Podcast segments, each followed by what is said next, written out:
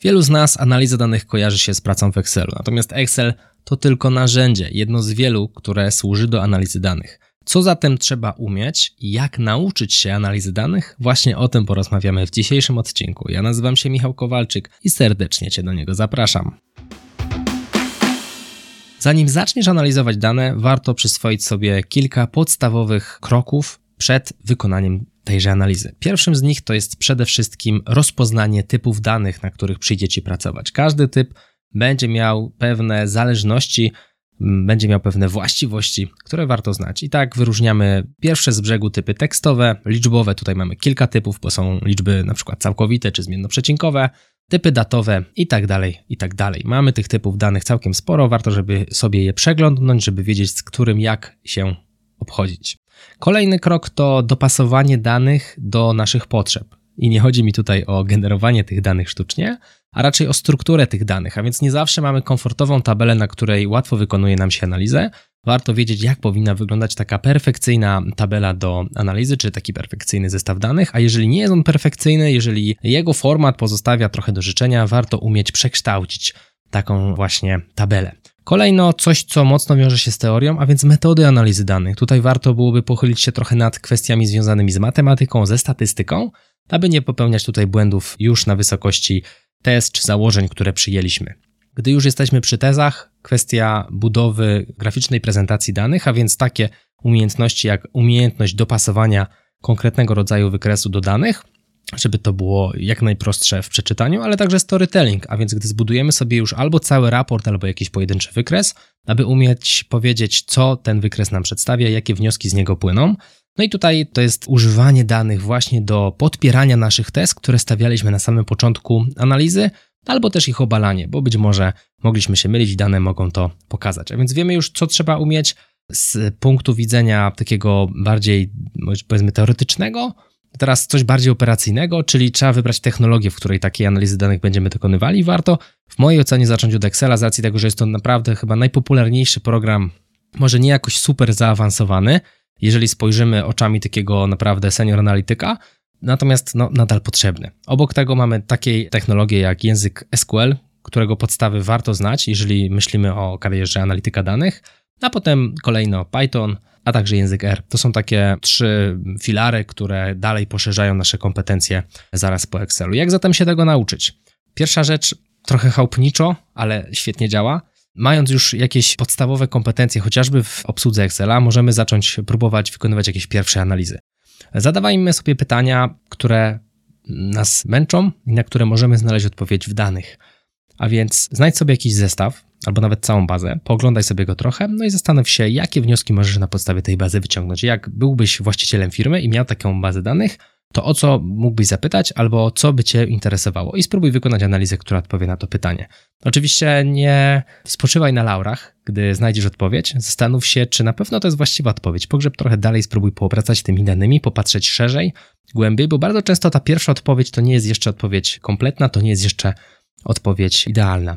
Ciekawym pomysłem może być znalezienie grupy mastermind osób, które również chcą edukować się w analizie danych, po to, abyście wzajemnie patrzyli na te dane, patrzyli sobie na te raporty i challenge'owali się, czyli trochę jak na team meetingu, gdy wychodzisz na gdzieś tam miejsce, w którym trzeba coś zaprezentować i ludzie zadają ci dookoła pytania, które tobie w czasie, gdy budowałeś tę analizę, się nie nasunęły. I to jest, myślę, w przypadku Masterminda ciekawy pomysł, czyli szukasz jakichś trzech, czterech innych osób, które również chcą się uczyć analizy danych i raz w tygodniu spotykacie się, aby omówić swoje analizy.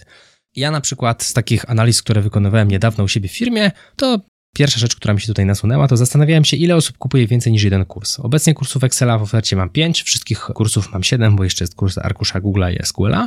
No i nasunęło mi się takie pytanie, no dobra, ale ile osób decyduje się na kolejny kurs? No i zacząłem szukać, zacząłem analizować.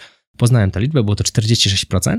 Zastanawiałem się, ile osób zapisanych na webinar finalnie kupuje kurs. I to jest znów zależne od tego, jaki to kurs, nawet od tego, w jakim jest to czasie, ale również poznałem kilka liczb, jakieś tam widełki.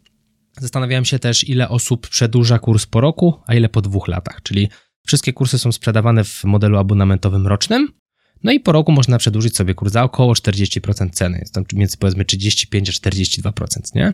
I teraz ile osób się decyduje na pierwsze przedłużenie, a ile z tych, które zdecydowało się na pierwsze, decyduje się na drugie? I te liczby również poznałem. co zdecydowanie ułatwia u mnie na przykład przewidywalność tego biznesu.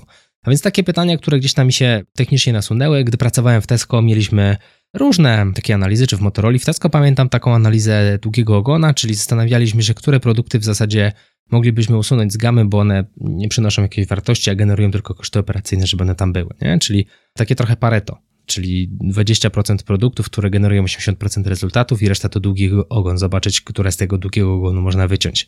Co więcej, książki. Bardzo fajne książki związane z tutaj tą częścią metodologiczną, z pułapkami, z bajasami. Zachęcam gorąco do przeczytania na, na pewno tych przynajmniej pierwszych dwóch, czyli Pułapki Myślenia Daniela Kahnemana, fenomenalna książka i Przewidywalni i Racjonalni Dana Ariely'ego. Ja specjalnie podałem polskie tytuły, są też wersja oczywiście anglojęzyczne. Pułapki Myślenia to jest Thinking Fast and Slow, a Przewidywalnie i Racjonalny to jest Predictable i Rational, czy jakoś tak. Też Dana Ariely. I jeszcze można pokusić się o książkę Grosz do grosza, też Ariely'ego.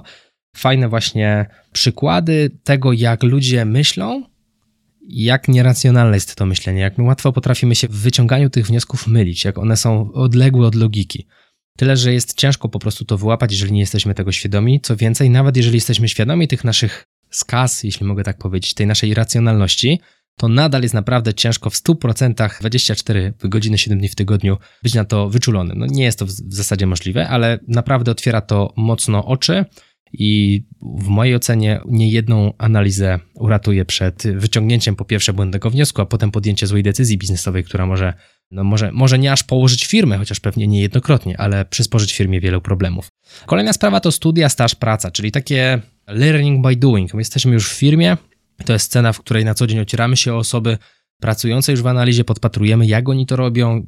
Jest takie mądre powiedzenie, z jakim przystajesz, takim się stajesz. I w moim przypadku w nauce analizy danych to bardzo pomagało. W Tesco miałem takich, kolokwialnie mówiąc, kozaków z Excela i w ogóle z analizy, z wyciągania wniosków, bo z Excela to może mniej, bardziej właśnie z takiego wyciągania wniosków i to było super patrzeć, jak oni wyciągają te wnioski, uczyć się od nich po prostu logiki, myślenia, sposobów patrzenia na te dane, zadawania pytań, bo to jest bardzo istotne to mi dużo dała. Więc jeżeli masz okazję w pracy gdzieś zaczepić się właśnie w kierunku analizy danych, jeżeli chcesz, żeby Twoja kariera poszła w tym kierunku, w mojej ocenie naprawdę warto. Staż jak najbardziej też na studiach, jeżeli macie kółka analityczne, jeżeli macie jakąkolwiek przestrzeń, czy właśnie mastermind, o których wspominałem, jakąkolwiek przestrzeń do tego, aby sobie z tą analizą trochę pobyć, uważam, że naprawdę, naprawdę warto. Takie obserwowanie zawodowców przy pracy, czy na jakichś team meetingach, czy bezpośrednio siedząc obok już, już w pracy, to jest coś, co ma olbrzymią wartość dodaną. Tyle ode mnie w tym temacie, a jeżeli chcesz nauczyć się analizy danych przy użyciu tabel przestawnych Excela, które świetnie się do tego sprawdzają, koniecznie odwiedź stronę przestawne.pl. Natomiast jeżeli podobał Ci się ten odcinek, a wierzę, że tak było, tradycyjnie wyślij go jednej osobie. Ja się nazywam Michał Kowalczyk. Do zobaczenia i do usłyszenia w kolejnym odcinku. Trzymaj się, hej!